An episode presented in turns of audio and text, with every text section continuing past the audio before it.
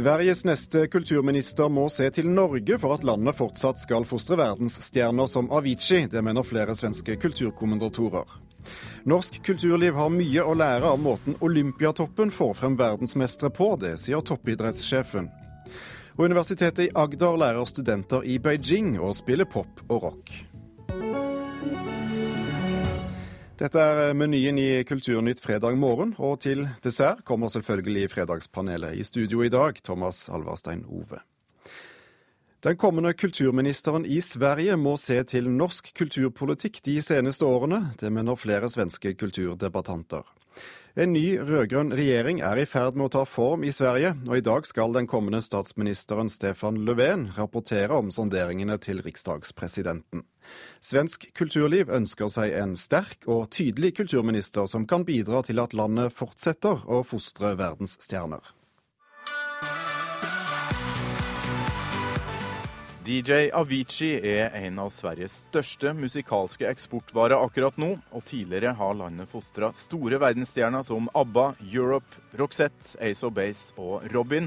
Og skal suksessen fortsette, må den svenske kulturpolitikken ta en ny vending gjerne inspirert av den forrige regjeringa i Norge, mener poet, forfatter og kulturdebattant Mats Söderlund. Det må satses på at tilgjengelighet, at barn og unge får komme til kulturen, at man får mulighet til selv utøve den.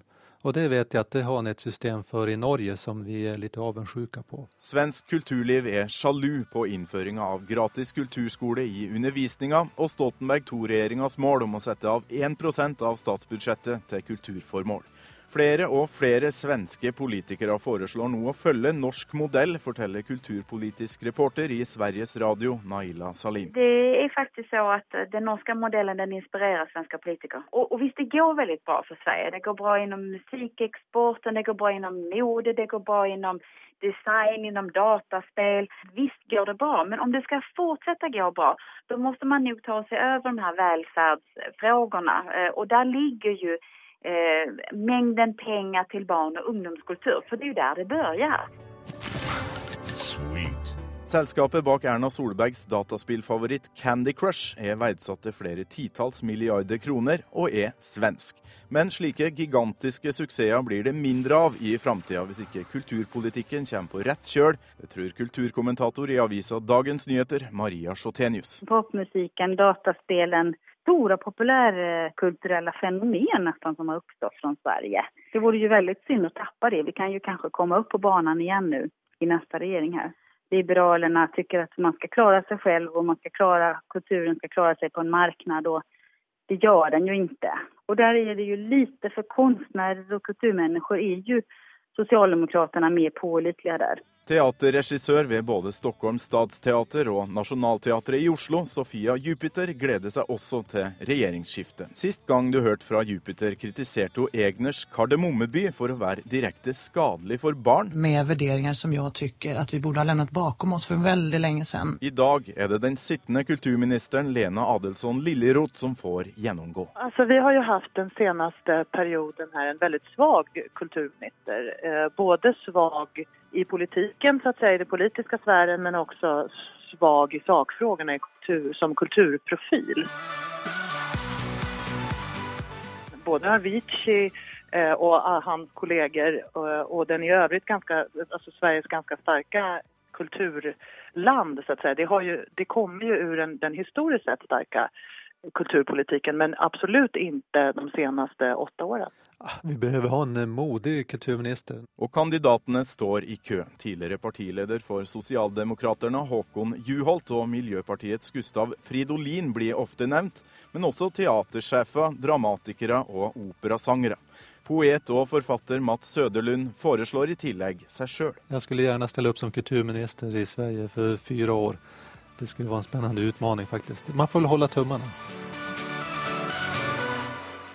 Reporter i denne saken, det var Torkil Torsvik. Et muslimsk museum kan overta tomten til Munch-museet på Tøyen i Oslo når museet flytter til Bjørvika. En stiftelse med Høyre-politiker Amir Sheikh i spissen søker nå om å få overta tomten gratis for å bygge et muslimsk museum med kuppel og minaret, skriver Aftenposten.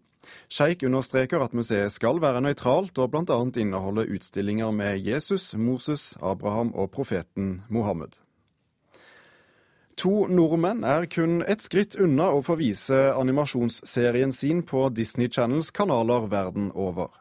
Gisle Nordmann Melhus og Fredrik Howard jobber med en pilot på en serie som har fått navnet Viking School, skriver Dagens Næringsliv. Får de ja fra Disney, vil det være første gang nordmenn står bak eh, en TV-serie på en større internasjonal TV-stasjon.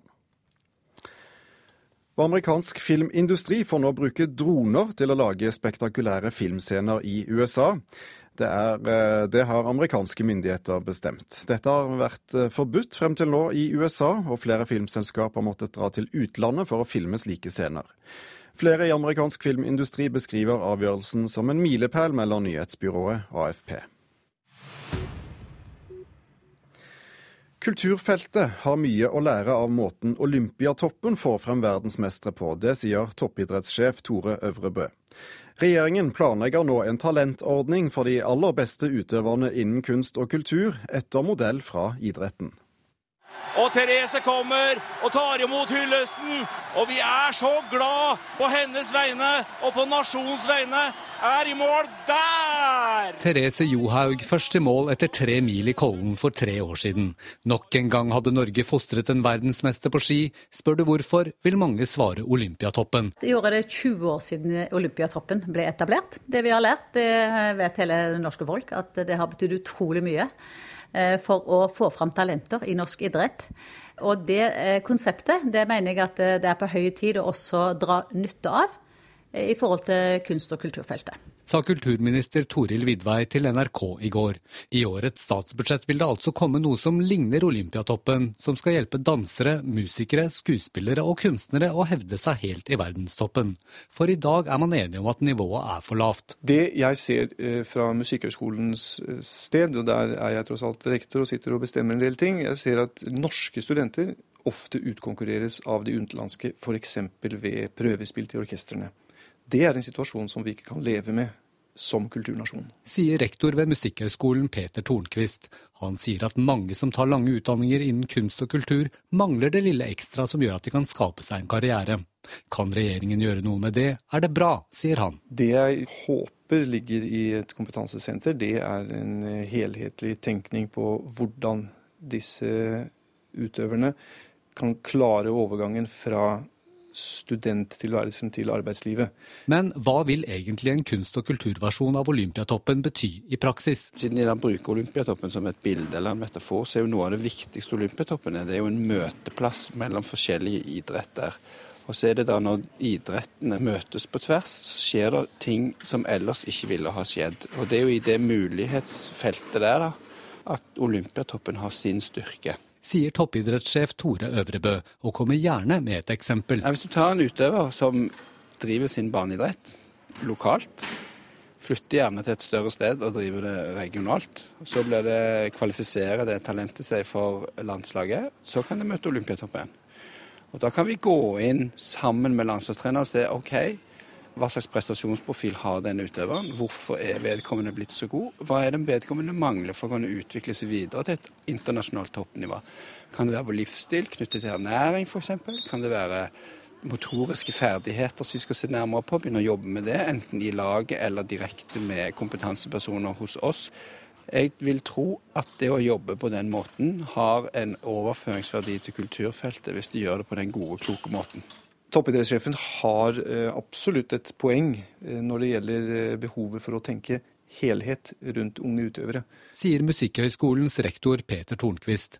Han påpeker likevel at både Musikkhøgskolen og Barrat Due allerede har elitesatsinger, og er derfor spent på hva regjeringen egentlig kommer med når statsbudsjettet blir lagt fram onsdag om to uker. Selv om vi er positive til forslaget ut fra det vi har hørt så langt, så må ikke dette komme i konkurranse eller være en parallell til det som allerede gjøres, bl.a. Eh, på Musikkhøgskolen. Reporter i denne saken, det var Petter Sommer. Forholdet mellom Norge og Kina er fortsatt på frysepunktet rent politisk. Men kunst og kultur er et område der kineserne likevel ønsker norsk samarbeid. Denne uken har en norsk musikklærer fra Universitetet i Agder med seg to masterstudenter til Kina. De lærer bort vestlig rytmisk musikk til kinesiske studenter. Same tempo. Yeah, so it's just like Yeah, exactly. Øyvind Nypan er langt fra hjembyen Kristiansand. Okay, one, one. One, you want to do the melody with me?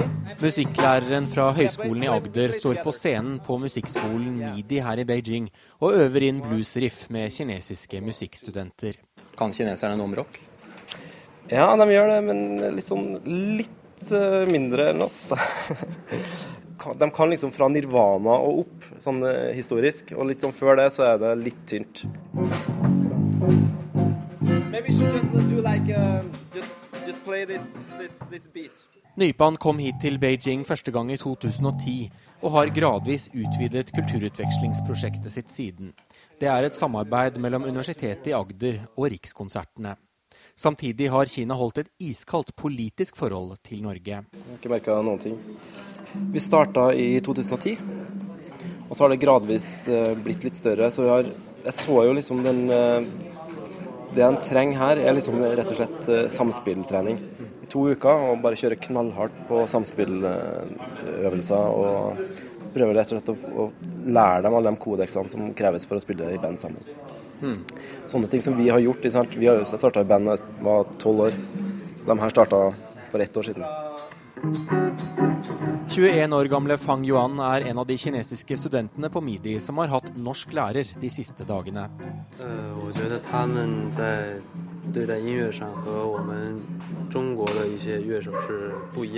når de spiller, viser de mer følelser, og det kommer fra hjertet. Dette aspektet er nok annerledes enn for kinesiske musikere, sier han. 29 år gamle Li Guobiao er lærer på Mide-skolen. Han har jobbet med nordmennene i flere år. Det er veldig bra at Norge og Kina kan møtes slik på scenen. Musikkunnskapene er godt utviklet i Norge, så å lære av dem både gjennom å spille og stå på scenen, men også det de underviser, det er veldig bra. Over helgen skal Øyvind Nypan og flere av studentene opptre på en av Kinas største musikkfestivaler, Midi-festivalen i Shanghai.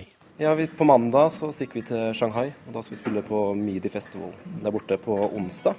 Så det er også en veldig kul oppgradering av prosjektet her, fra liksom bare å være lærer. Så skal vi også nå liksom få satt ting i praksis og spille med elever. Og reporter i Beijing, det var Peter Svår. Du hører på Nyhetsmorgen i NRK P2 Alltid nyheter. Klokken har blitt akkurat 8, 16 minutter over åtte. Overskriftene nå. Pasienter må fortsatt vente lenge på å få svar på om de har kreft. Helseministeren vil ikke si når han kan innfri løftet om 48 timer fra mistanke om kreft til diagnosestart. Fem utlendinger med lovlig opphold i Norge saksøker Utlendingsnemnda fordi de ikke får identitetspapirer. Kampen mot ebola går for sakte, mener Barack Obama. I dag samler han 40 helseministre til møte. Og da åpner vi dørene for fredagspanelet her i Kulturnytt og sier god morgen til kulturredaktør i Aftenposten, Sara Sørheim. God morgen. Kulturredaktør i Fedrelandsvennen, Karin Kristine Blågestad. God morgen, god morgen. Og Thomas Hylland Eriksen, professor i sosialantropologi. Hei, hei.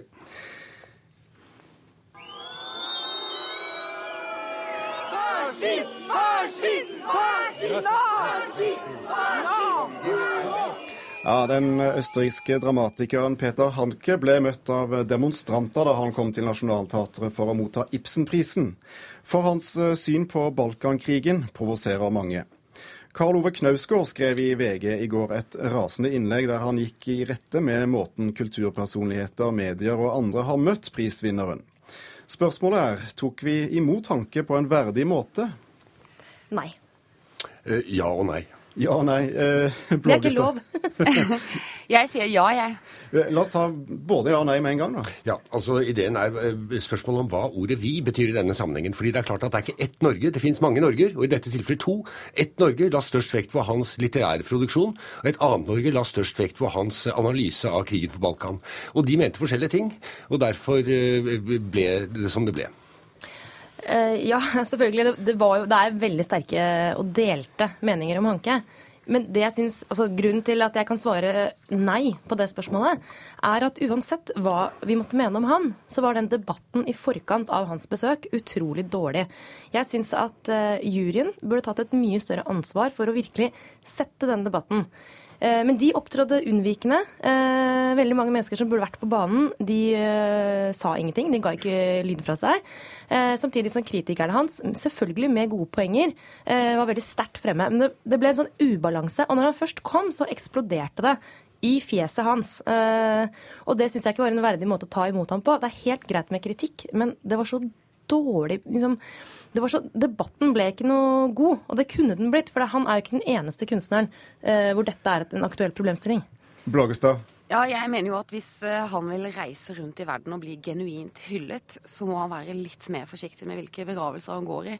Og så tenker jeg at det var en verdig mottakelse, for han møtte et uh, sunt demokrati hvor det var, eller som har meningsbrytning, hvor det var uh, fans av han på den ene siden og motstandere av han på den ene siden, og det syns jeg er sunt. Og jeg syns det er OK at uh, norsk opinion reagerer litt sånn intuitivt uh, negativt på en mann som uh, går i så gale begravelser.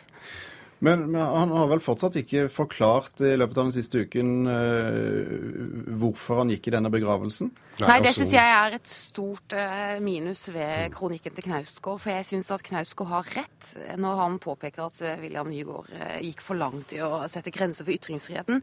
Men jeg syns ikke Knausgård kom med en god forklaring på hvorfor Hanke har vært så nær Milosevic som han har vært. Nei, Da må man nesten eh, lese essayene hans eh, fra krigen i Jugoslavia, altså ting han skrev på 1990-tallet f.eks., som er relativt sjokkerende altså fra et bosnisk synspunkt, og veldig proserbisk. Og han har nok et ønske om å være kontrær. Det er en familiehistorie her også. Det har noe å gjøre med hans egen bakgrunn i Kanten, ikke sant? hvor det er en stor slavisktalende befolkning. og det er jo ingen tvil om at altså, tok feil altså, når det gjaldt analysen av krigen i Jugoslavia, og at han blir oppfattet delvis med rette som en forsvarer av forferdelige ting som utspilte seg i Srebrenica og andre steder på 1990-tallet. Og at folk med bosnisk bakgrunn i Norge reagerer sterkt på det, det er ikke så forferdelig merkelig. Vi kunne trekke sammenligninger til andre. Altså, I Norge snakker vi mye om Knut Hamsun og hvor umulig det er å oppkalle en, en plass etter ham. Nå kan man selvfølgelig si at kunsten er opphøyet og skal skilles fra livet, men jeg tror ikke det er så enkelt i praksis. Tenk bare på disse britiske barne-TV-onklene som blir tatt i pedofili. Du ser ikke på deres barne-TV-programmer med samme blide, barnlige sinn etter at du har hørt at de er pedofile. Men samtidig skal vi vokte oss litt for å stå og holde den der eh, moralske pekefingeren. Eh, det føles så godt å være på det riktige laget. Det føles så godt å kunne si at dette er et umoralsk menneske. Men kunsten er mangfoldig, mennesket er veldig sammensatt. Eh, det er ingen tvil om at enkelte av uttalelsene til Hanke er under enhver kritikk. Men det er for enkelt å stille seg opp og være en del av den store massen som roper fascist, fascist uten å gå ordentlig inn i det utrolig komplekse eh, mennesket som er Peter Hanke. Jeg sier ikke at vi ikke skal kritisere han, jeg syns bare at den kritikken som kom frem, var, eh, ja, det, var det var, en unyansert eh, debatt.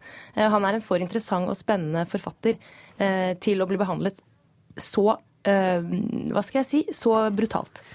Journalister og andre og, og kulturpersonligheter har blitt beskyldt denne uken for, for, å ha uttalt seg uten å ha lest Hanke. Vi får oppfordre alle om å gå hjem og lese og gjøre seg opp sin egen mening. Vi skal videre til Alf Prøysen, for eh, det var Alf Prøysen selv som ble tråkket på under debatten om hans legning, ikke minst av de som kalte seg Prøysens venner. Det mener Prøysen-biograf Ove Røsbakk. For ti år siden ble Røsbakk utsatt for en storm av kritikk fra bl.a. Erik Bye og Ole Paus, da han i en kronikk skrev at Prøysen var bifil. Nå kommer en revidert utgave av Prøysen-biografien hans, og denne gangen er spørsmålet om Prøysens seksualitet tatt med i boken. Men burde Røsbakk latt temaet ligge denne gangen også? Nei. Blågestad? Nei, nei, nei. Ser jeg. Nei, helt enig. Nei. nei. Hvorfor ikke Ilan Eriksen? Nei, altså Som offentlig person så må man akseptere at visse sider ved ens privatliv som er ganske sentrale, kommer offentligheten for øre. Og dette burde heller ikke være så kontroversielt i våre dager, og kan bidra til at folk både får et mer avslappet forhold til sin egen seksualitet og et litt annet og mer nyansert forhold til Alf Prøysen. Ja, jeg må si jeg er overraska over at uh, dette er kontroversielt Eh, faktisk. Den debatten for ti år siden, apropos uverdige debatter, det var i hvert fall en eh, festival i eh, uverdighet på mange måter. Fordi selvfølgelig, det som er veldig vanskelig her, er Prøysens familie. Man må ha respekt for, for dem og, og, deres følelser knytta til dette. Men når vi snakker om den store offentlige debatten, så burde det ikke i 2004, og i hvert fall ikke i 2014, være kontroversielt hvilken seksuell legning et menneske måtte ha. Eh, som Hyllan Eriksen sier, det er en sentral del av livet vårt. Det hører hjemme i en biografi. Eh, men det bør altså ikke provosere noen om noen er bifile, homofile eller heterofile. Burde være unødvendig å si. Blågestad? Ja, En biografi uten dette elementet i seg hadde ikke vært en god biografi. Det hører selvfølgelig med i et eh, portrett av Prøysen. Så er det jo dette med at han var så folkekjær og en helt eh, for så mange lag og sjikt i vårt samfunn. da. Så har jo sikkert skaket eh, de mørkeste kroker i vårt Norge når den debatten kom for en tid siden, men nå bør det være ukontroversielt, altså. Og det er jo klart at en sånn hemmelighet et, en, så, en sånt mørke eh, å bære på for Prøysen, at det har vært med å påvirke hans kunst. Det er jo opplagt. Det har sikkert gjort han til den store, varme, kloke humanisten som han eh, var. Han, fortalte visstnok dette da til enkelte fortrolige venner, men, men altså ikke i, i offentligheten. Skal vi eh, ikke respektere det, da? Vi kan kanskje si i alle fall at det var en annen tid den gangen. Da det var en veldig mye større belastning å stå frem, som det heter, med, med en bifil eller homofil legning. Men i våre dager så Altså, det er jo ikke det, det, som ligger under her, det er noe som er litt lummert. ikke sant? Det er insinuasjon om at det er noe lugubert ved en person, en mann som har et eh, kjærlighetsforhold til en annen mann.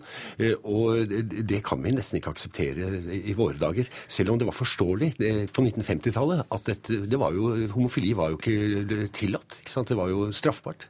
Håper jo at hvis Prøysen hadde vært blant oss i dag, som hadde vært veldig veldig kult på mange måter Jeg håper veldig sterkt at han da ville vært helt åpen eh, om sin legning.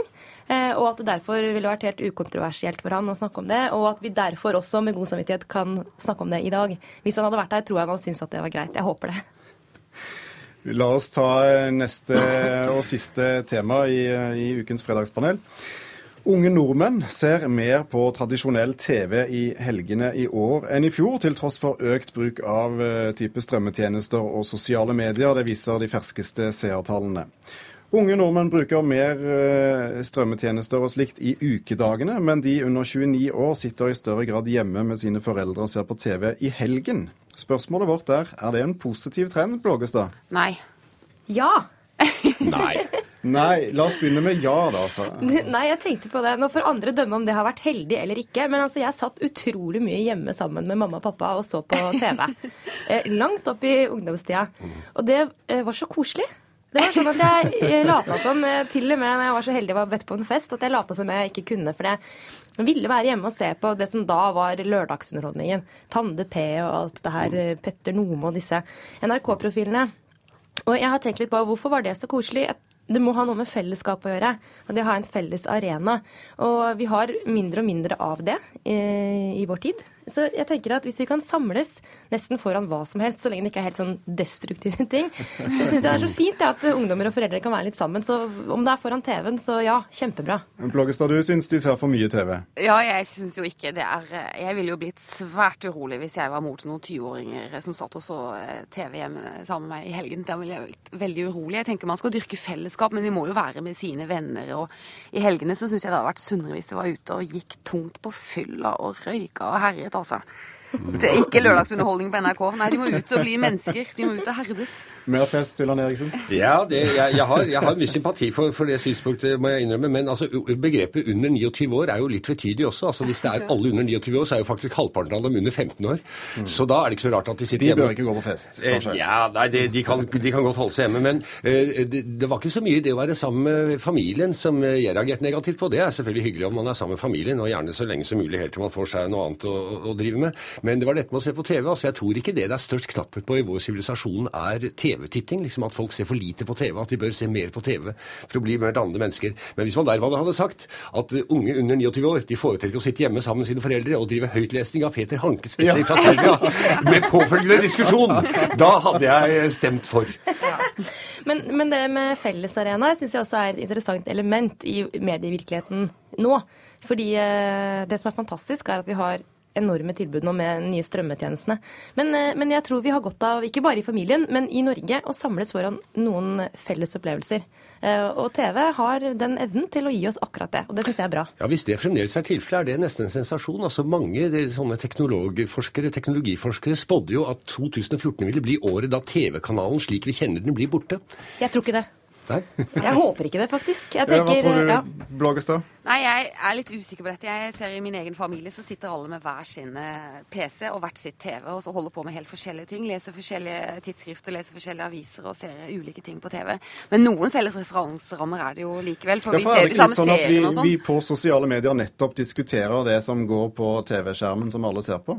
Jo, vi har jo Det er jo veldig mange som ser disse store seriehitene på de strømmetjenestene f.eks., og det diskuteres jo. Så det er jo nye eh, felles referanserammer. Kanskje ikke så samlende som Tande P i glansdagene, men eh, likevel. Det er derfor vi må få Petter Northug tilbake og ordentlig form på det norske skilandslaget, sånn at han kan gå i VM, og alle i Norge skal se på han. Ja. Sitte ja, foran TV-en ja, I Sverige var det jo sånn når Ingmar Stenmark kjørte på ski på 1970-tallet. Da fikk man ett minutts tystnad. Da sto Sverige stille mens Ingmar åkte. Fabrikkpipene sluttet å sende ut røyk, og bilene sluttet å kjøre. Fordi alle skulle følge med på Stenmark. Ja da, det er klart det. Altså, og det er klart at det er noe det er mangel på. Det er samlende symboler. Så er jeg veldig enig med deg, Sara. Altså, det er stor mangel på samlede symboler. Spørsmålet er om det er TV, eller om det kunne være noe annet.